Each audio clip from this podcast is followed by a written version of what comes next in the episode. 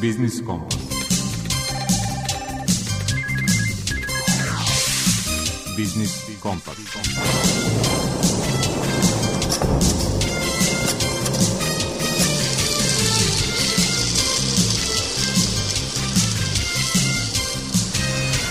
Pred mikrofonom je Đuro Vukelić.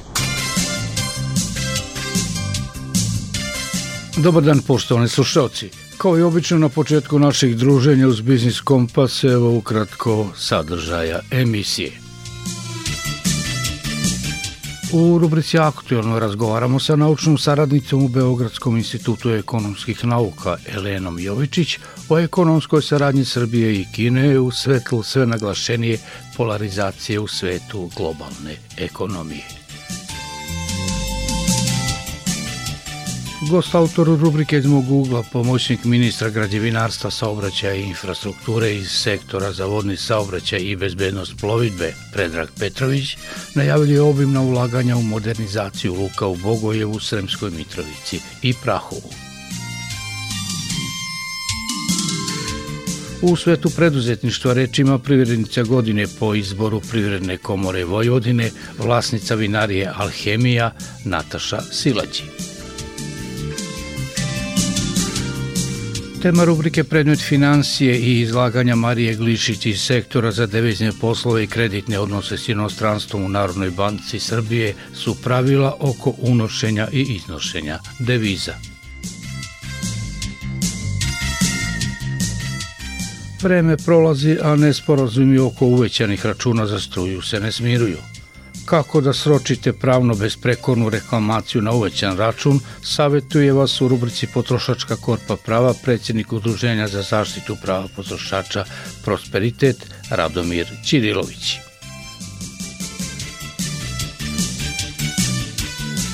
Koliko teme današnjih biznis kompasa, verujem da će vam pažnju privući i muzičke numere po izboru Zorana Gajinova.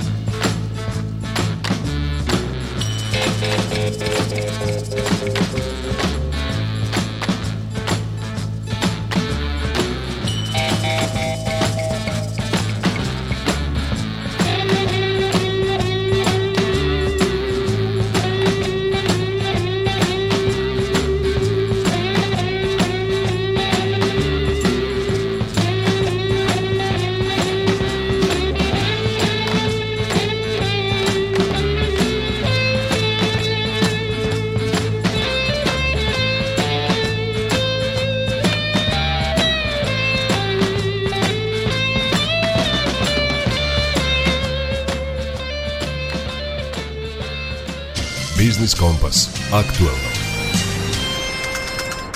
Izuzmemo li Evropsku uniju CEFTA asocijaciju, Kina nam je najvažniji trgovinski partner, ali i sve značajniji investitor. Šta kažu podaci iz prošle godine i kakav uticaj ima ili će tek imati sve veća polarizacija na globalnoj ekonomskoj sceni na srpsko-kineske odnose? O tome smo razgovarali sa naučnom saradnicom u Beogradskom institutu ekonomskih nauka Elenom Jovičić. Za prošlu godinu trenutno imamo podatke raspoloživo vezano za priliv stranih direktnih investicija iz Kine a, tek za prva tri tromeseće i onda prema a, podacima vidi se da je priliv stranih direktnih investicija iz Kine bio oko 820 miliona evra što je već upućeno na to da će to biti, ako uzmemo u obzir celu godinu, smanjena vrednost u odnosu na prethodnu godinu. A inače, ako posmatramo period zadnjih ili proteklih decenija ili pet godina, investicije iz Kine bile su maltene u kontinuiranom porastu posebno počev od 2016. godine kad je bilo potpisano više različitih sporazuma i stigli su investicije u različite sektore Srbije.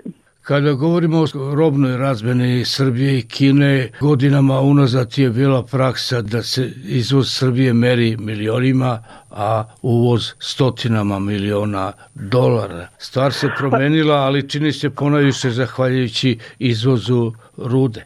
Tako je. Ako um, uporedimo, na primer, situaciju od pre pet godina, možemo da vidimo da se ukupna trgovinska razmena robom maltene udvostručila, pri čemu dok je uvoz bio dva puta veći, izvoz u Kinu se povećao čak četiri puta i Kina je postala jedan od ključnih trgovinskih partnera Srbije i već nekoliko godina za redom zauzima drugu poziciju nakon Nemačke na listi glavnih spoljnotrgovinskih partnera Srbije.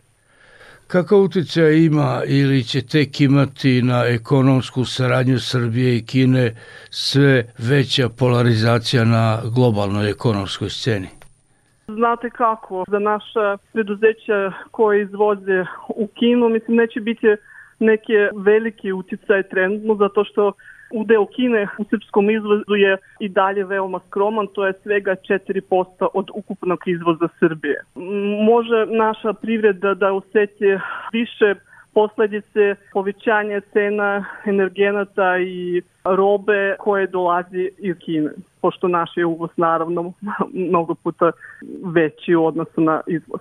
Možemo li u narednom periodu očekivati neke značajnije investicije iz Kine i, i izvoz iz Srbije robe sa većim stepenom obrade. Upravo 26. ako ne grešim januara, mislim nedavno, je bio najavljeno potpisivanje memoranduma o saradnje sa kineskom kompanijom Zijin koji planiraju da investiraju u narednom periodu u Srbiju. To je Shanghai Fengling Renewables i srpska Zižin Koper kompanija. Znači to je u stvari predviđena investicija od, e, od prilike 2 milijarde evra i to u vetroparkovi i solarne elektrane. Ta proizvodnja energije je naravno biće korišćena i pre svega za potrebe Zižin kompanije. Mislim da sada i Srbija ima, možemo da kažemo i baš povoljnu situaciju u smislu toga da došlo do izvestnog usporavanja ekonomskih odnosa između Evropske unije i Kine, tako da možda je pravi trenutak da Srbija, posebno što je potpisala i sporazum o slobodnoj trgovini, da iskoristi ovaj trenutak za još e, veće produbljivanje i poboljšanje kako ekonomskih, tako i trgovinskih odnosa sa Kinom. Naša sagovornica bila je naučna saradnica u Institutu ekonomskih nauka Elena Jovičić. Elena, hvala vam za razgovor. Hvala vama.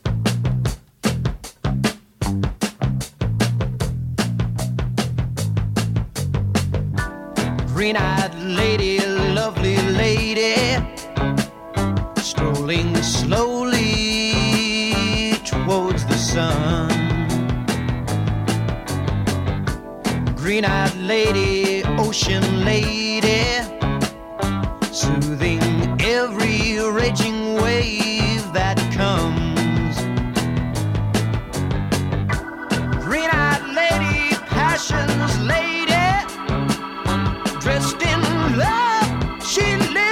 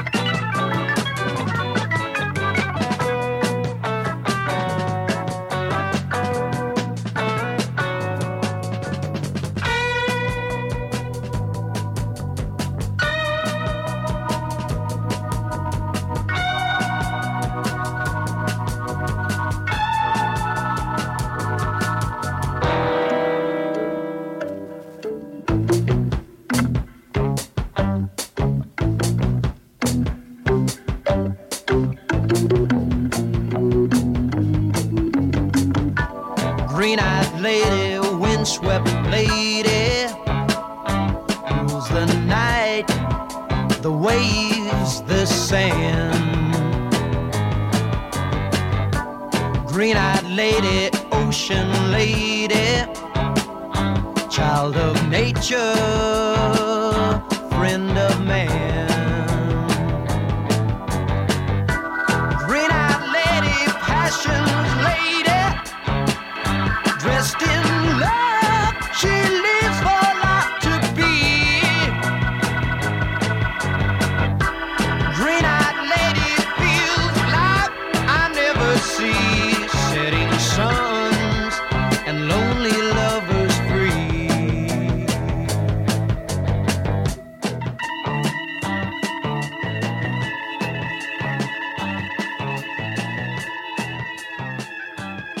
Biznis Kompas iz mog ugla. U modernizaciju luka i rečne transportne infrastrukture u Srbiji biće uloženo više od 300 miliona evra. Prioritet su ulaganja u modernizaciju luka u Bogojevu, Sremskoj Mitrovici i Prahovu. O tome u rubrici iz mog ugla govori pomoćnik ministra građevinarstva, saobraćaja i infrastrukture iz sektora za vodni saobraćaj i bezbednost plovidbe, Predrag Petrović. Kroz Srbiju protiču dve međunarodne reke, Dunav i Sava i jedna međudržavna, to je Tisa. Na rekama u Srbiji imamo 11 otvorenih međunarodnih luka, osam imamo na Dunavu, dve na Savi i jedna na reci Tisi. Srbija je po podacima Dunavske komisije druga zemlja u Dunavskom regionu posle Rumunije po godišnjim količinama pretovaranog tereta. Ovo moram da napomenem da je recimo u periodu od 2015. na primjer do 2022. godine evidentiran značajan procenat rasta obima pretovara tereta u lukama. U 2015. godini je recimo pretovareno oko 5 miliona tereta, dok je 2022. godine ta cifra negde oko 15 miliona tona tereta, što nam govori da smo zapravo ovaj, u jednoj ekspanziji ovog vida saobraćaja. U 2023. godini isto tako imamo ovaj, zabeleženo oko 15 miliona tona tereta i u srpskim lukama možemo da kažemo da se najčešće pretovaraju šljunak, pesak, kameni agregati, nafta, naftni derivati, ugalj, rude i žitarice. Srbija je kroz teretne luke, i to je veoma značajna činjenica, povezana sa zapadnom Evropom i to kroz koridor Rajna Dunav i sa Severnom Afrikom i Azijom i to preko luke Konstanca. Znači možemo reći zapravo da je Srbija baš u čvorištu ovih puteva jer sa, sa jedne strane, sa druge strane imamo i povezano sa jadranskim lukama Kopar, Bar i Eka preko železničke veze. Tako da moramo reći da smo zaista u jednom povoljnom položaju koji nam daje mogućnost da ukoliko dosta dobro i pametno investiramo u ovaj vid saobraćaja, možemo zaista da imamo velike, velike koristi od toga. S tim u vezi mogu da kažem da Srbija ima plan, odnosno da ministarstvo ima plan da investira u narednom periodu u rekonstrukciju tri luke, to je Luka Bogojevo, Prahovo i Sremska Mitrovica. To su ključni zapravo projekti razvoja lučke infrastrukture. U okviru proširenja kapaciteta luke u Bogojevu imamo planiranu izgradnju pet novih terminala. To je terminal za žitarice, za kontejnere, generalne terete, tečne terete kao i terminal za šljunak i pesak, odnosno rasute terete. U okviru proširenja kapaciteta luke planirana je izgradnja novih silosa za žitarice, uljarice, skladišta za mineralna đubriva i otvorenog i zatvorenog skladišnog prostora za rasute terete. Neki projektovani obim pretovara bi bio oko 600.000 tona godišnje Luke Bogojevo, a procena investicije u ovu lučku infrastrukturu prevazilazi oko 50 miliona eura, tačnije oko 52 miliona eura bi trebala da bude investicija u lučku infrastrukturu u Bogojevu.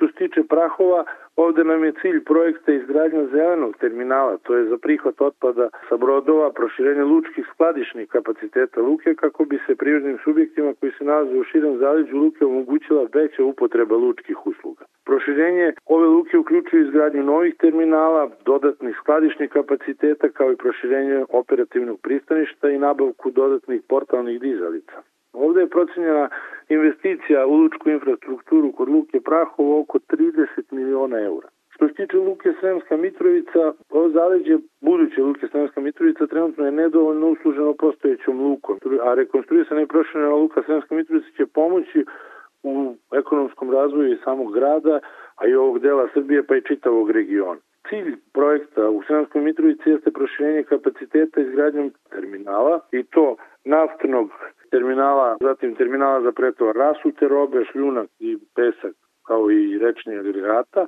terminala za žitarice kao i terminala za naftu i naftne derivate. Ovo je sve u cilju razvoja industrijske zone i bolje iskorišćenosti vodnog transporta za prevoz većih količina robe na većoj udaljenosti. Projektovani pretovani kapacitet Luke Sremska Mitrovica bi trebalo da bude negde oko milion i 500 hiljada tona robe godišnje. Procenjena investicija lučku infrastrukturu u Sremskoj Mitrovici je otprilike 45 miliona eura. Inače, pored rekonstrukcije ove tri luke kao, možemo reći slobodno i ključnih projekata u vodnom sektoru, postoji još dosta projekata koji su realizovani, a koji su u fazi realizacije kao i onih koji su planirani, a koji će doprineti normalno i bezbednoj plovidbi, unapređenju vodnog sektora i uopšte unapređenju privrede u ovom delu regiona. Mi moramo da kažemo da smo svedoci jedne ekspanzije vodnog sektora zapravo u našoj državi, s obzirom da je sam vodni sektor i prepoznat od strane države kao e, jedna velika mogućnost za razvoj ne samo privrede, već za otvaranje novih radnih mesta, za razvoj turizma, za razvoj uopšte drugih grana koji će našem stanovništvu, našim građanima dati bolji standard, koji će nas uvesti u otvaranje novih radnih mesta, a sve u cilju boljeg života na prostorima Republike Srbije.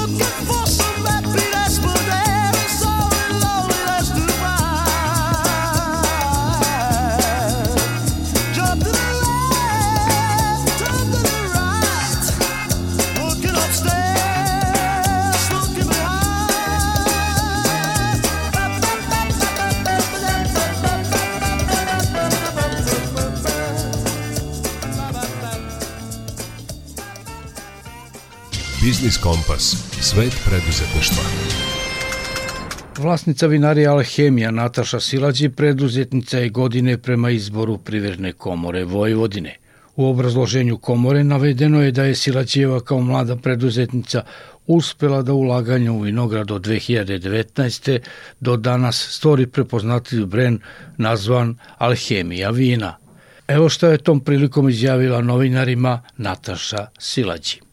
Svako ko je u nekim, da kažem, preduzetničkim vodama mora da bude jako hrabar i mora da bude jako uporan, a kada se na tu hrabrost i upornost doda ovakav vetar u leđa, koji sam ja dobila od Privredne komore, mislim da je uspeh zagarantovan. Tako da velika je čast biti među kompanijama koji su danas takođe dobitnici. Meni je srce puno i radujem se svemu što predstoji. Kad je počela vaša hrabrost i kako se razvija? Moja hrabrost je počela 2019. godine, da kažem pravno formalno, ali neki onako veliki, veliki uzlet je krenuo 2022. godine kada je alhemija i krenula u neke velike vinske i vinogradarske vode. Ja sam neko ko je, da kažem, dete grada i dete betona i u suštini nikad nisam imala veze sa poljoprivredom. Međutim, to je meni negde verovatno bilo zapisano i posljednje dve godine me možete vidjeti ovako obučenu, ali mnogo češće budem i u gumenim čizmama, budem u vinogradu i zaista tamo uživam.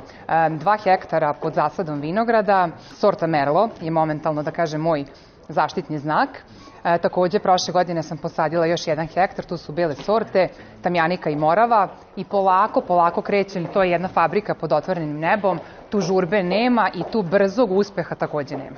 E, ono što bi zaista želela da kažem svima, preoshodno ženama, e, budite hrabre, verujte u svoje snove. Redko kad šta izgleda tako lepo i bajno kao što možda danas izgleda, ali jako je bitno da ne odustajete. Ja od svojih snova nikada nisam odustajala i tek planiram da idem dalje. E, verujte u sebe i u svoje snove i oni se sigurno ostvaraju.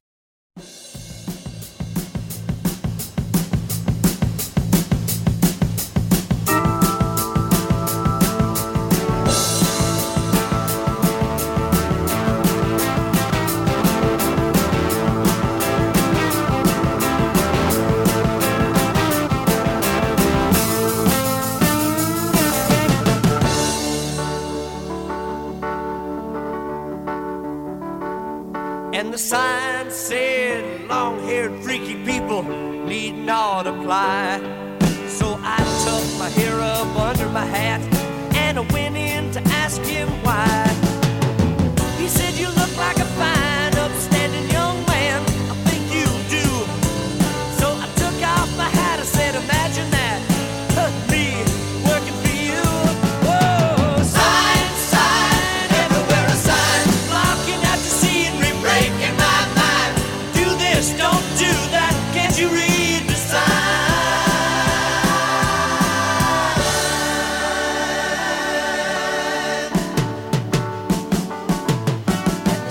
Said anybody caught trespassing would be shot on sight.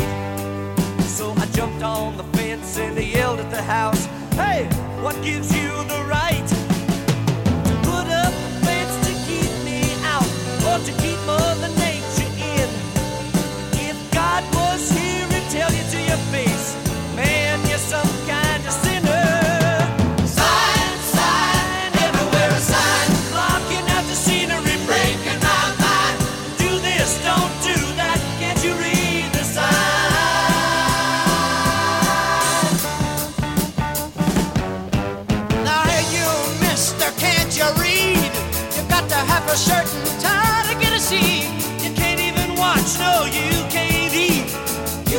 supposed to be here.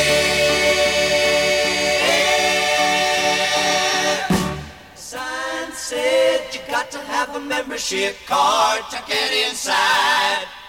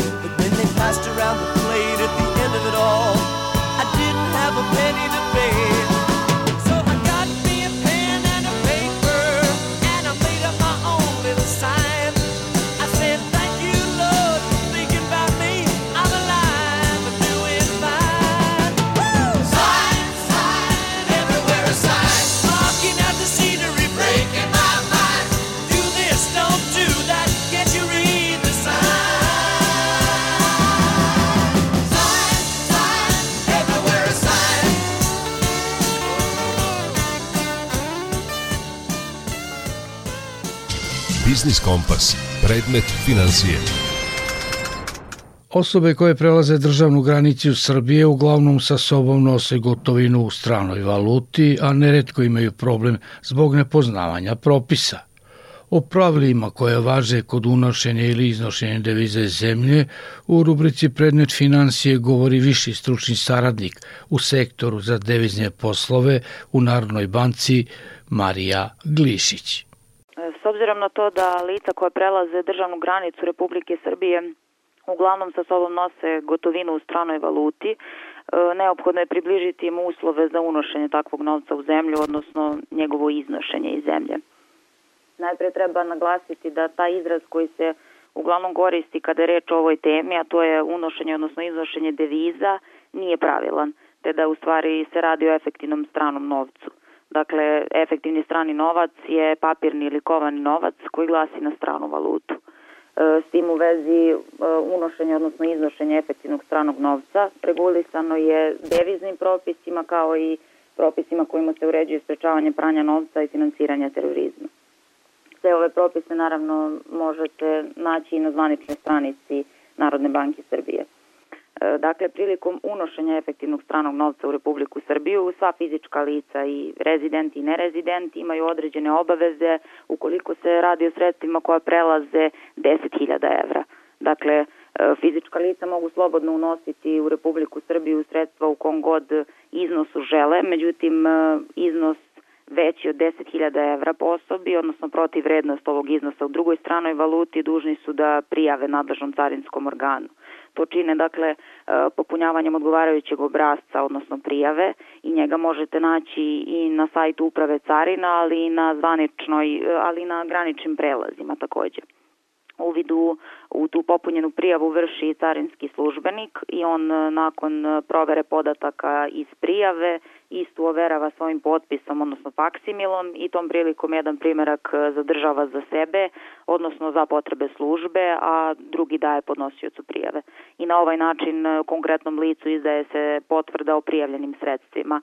Bitno je da navedeno lice tu potvrdu čuva zato što kada se radi prvenstveno o nerezidentima koji kasnije žele da iznesu ta sredstva iz zemlje, oni to mogu da učine samo na osnovu te potvrde, nju tom prilikom e, nadležnom carinskom organu i time samim tim dokazuju da su ta ista sredstva prethodno uneta u Republiku Srbiju.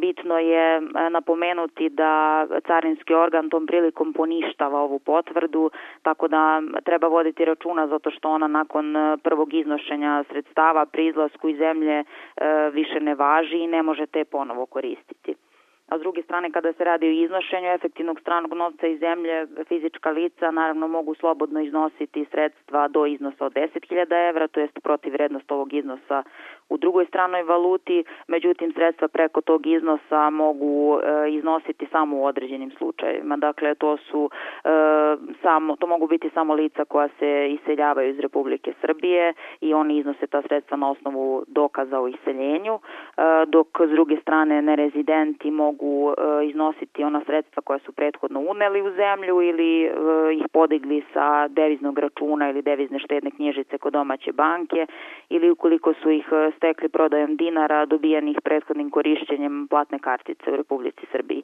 U svim ovim slučajevima potrebno je da ta lica posjeduju potvrde da bi izneli ta sredstva iz zemlje. Dakle, ukoliko se radi o sredstvima koja su prethodno uneta, sada ih iznose, potrebno je da posjeduju onu potvrdu o kojoj sam malo pregovorila, to je e, ta potvrda nadležnog carinskog organa o unošenju efektivnog stranog novca koju su dobili prijavljivanjem tog iznosa prilikom ulaska u zemlju. Ako se radi o sredstvima koja su podigli sa deviznog računa, onda je potrebno da posjeduju potvrdu banke, ukoliko se radi o onim sredstvima koja su e, stečena prodajom dinara dobijenih prethodnim korišćenjem e, platne kartice, potrebno je da posjeduju potvrdu menjača.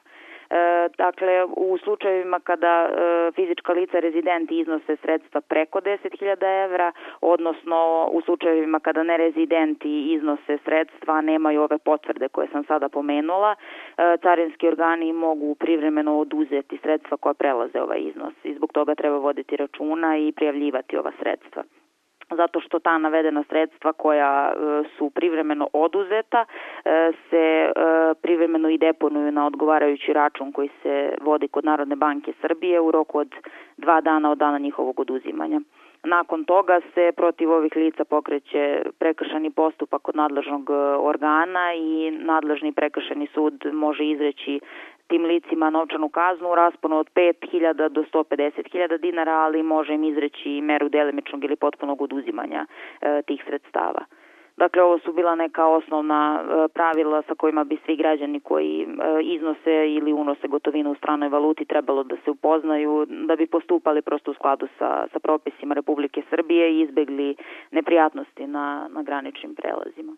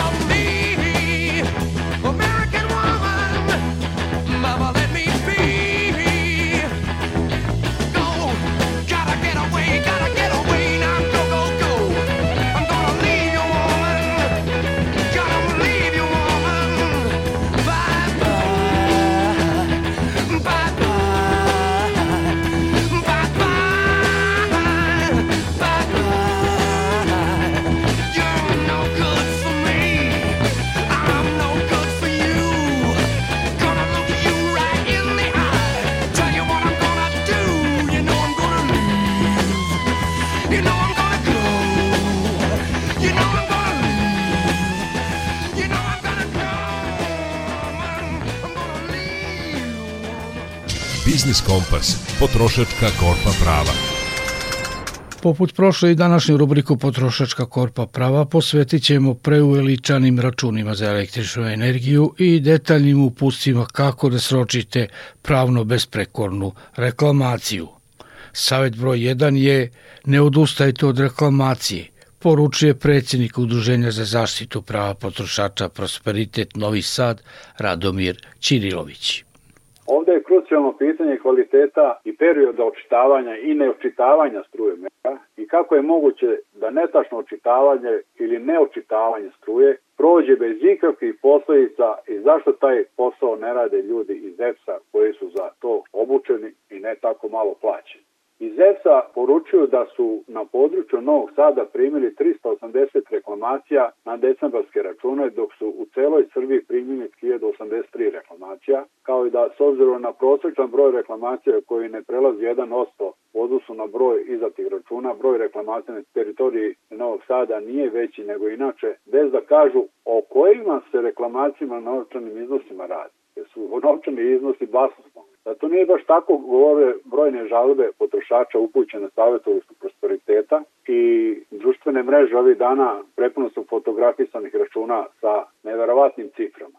Evo nekoliko primjera sa uskraćenim odgovorima od strane EPS. Dobio sam račun od 32.000 dinara. Neću im platiti, odnosno platit ću koliko sam potrošio jer veoma vodim evidenciju mesečne potrošnje. Bio sam da reklamiram svoj račun zaposleni na šalterima su ljude savjetovali da očitavaju ponovo svoja brojila pa da dođu, da podnesu reklamaciju. Rekao je, na primjer, Branimir iz Novog Sada. Šta sad mi ponovo treba da očitavamo, platili smo već očitavanje nekom trećem licu koje je angažovao EPS. Drugi ističe da mu je ostalo neočitano brojilo pa su mu na kraju u EPS-u savjetovali da uplati slično kao i prošle mesec, a da će sve biti rešeno. Takođe su neverovatni primjeri kada se na pojedinim računima vide i cifre od čak i do par stotina hiljada dinara ili kada su pojedini potrošači za novembar dobili račun od 700 dinara. To je onaj fiksni deo angažanog snaga i trošak operatera, ali ih je zato onaj u decembru sačekao i iznosi čak 16.000 dinara. Jasno je da se deo brojila nije ni očitalo za novembar mesec potrošnje, pa kad se sabrao i decembar, oterani su potrošači u crveno tako da plaćaju nešto što nisu potrošili. Stoga, provjerite ispravnost obračunate potrošnje električne energije uz prethodni uvid stanja na brojilu u poređenju sa računom koji vam je stigao kako bi se uverili da li je obračunata energija u skladu sa realnom izmerenom količinom kWh. Na taj način ćete smanjiti mogućnost da reklamacija bude neosnovana kako ne biste propustili rokove za plaćanje računa u celosti. Treba uzeti u obzir i to da za pokretanje postupka prinudne naplate EPS mora da predujmi izvršitelju iznos od 5000 dinara, pa se postavlja pitanje isplativosti ako je sporni deo računa manjeg iznosa. Što se tiče ulaganja reklamacije, opet želimo da vas podsjetimo na sledeće važne informacije i postupanje.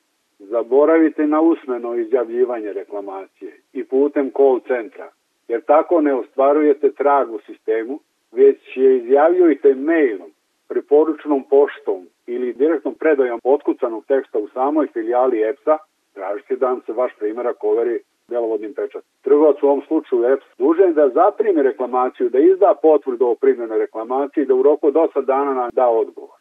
Obrazloženi odgovor mora da sadrži odluku o reklamaciji da li se usvaja ili ne, a da obrazloži zašto se ne usvaja. Uz priloženje račun koji reklamirate, u zahtevu obavezno istaknite da tražite vrednosti očitavanja struje za najmanje prethodna tri meseca ili čak od početka godine sa pitanjem kog datuma je vršeno očitavanje i koja su bila stanja kilosati na strujemer. A što se tiče uplate, uplatit ćete nesporan deo računa.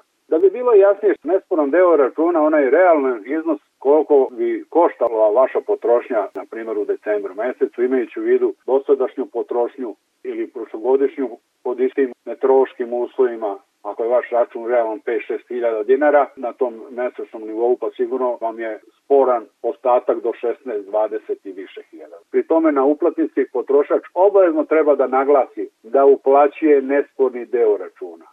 Sporni deo ostaje za rešavanje u okviru reklamacije, koji u slučaju odbijanja EPS dalje može da rešava samo sudskim putem, odnosno preko izvršitelja na osnovu zakona o izvršenju obezbeđenja. Da vaša uplata ne bi otišla na neki raniji dug ili neplaćenu kamatu. Svaki naredni račun treba platiti uplatnicom u kojoj se u svrhu uplate upisuje da se plaća račun za taj i taj mesec. Takvim načinom uplate istekom 12 meseci od njegovog nastanka sporni deo dug prelazi u zonu zastarelosti ukoliko ovi ne podnesu zahtjev za prinudnu naplatu. Na kraju za dalju pomoć u rješavanju vaših potrošačkih problema možete se obratiti savjetovištu Udruženja za zaštitu prava potrošača Prosperitet Novi Sad, Bulevar Slobodana Jovanovića broj 30 na Novom nasilju ili putem telefona 021 300 3865 021 302 35 98, odnosno na mail prosperitet.ns.gmail.com.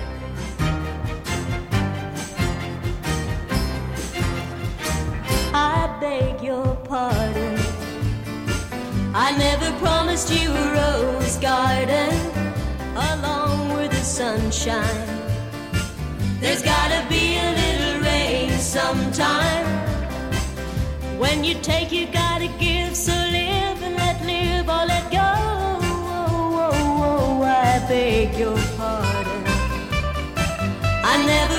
promised you a rose garden. I could promise you things like big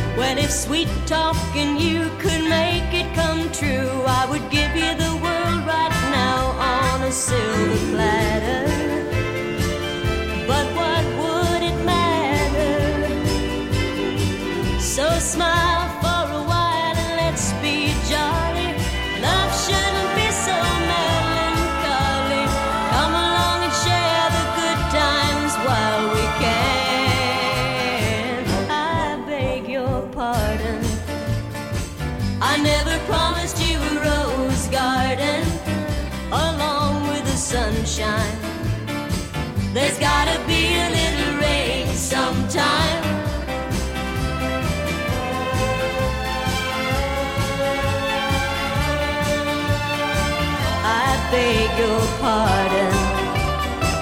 I never promised you a rose garden.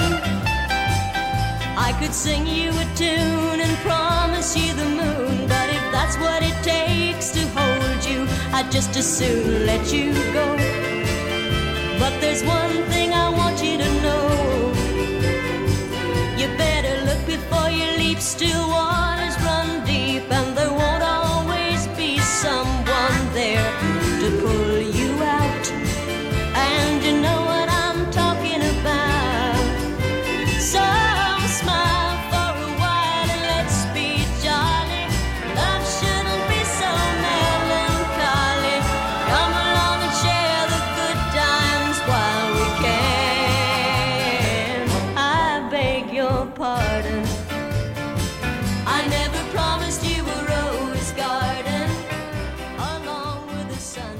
Toliko za ovo poslepodne u Biznis Kompasu. Poslušajte nas i naknadno na internet stranici Radio Televizije Vojvodine podcastu Odloženo slušanje. Muzički urednik Zoran Gajinov, ton majstor Sabina Nedić i urednik emisije Đuro Vukelić vam žele ugodan nastavak poslepodneva i večeri uz program Radio Novog Sada. Zdravi bili i čuvajte se.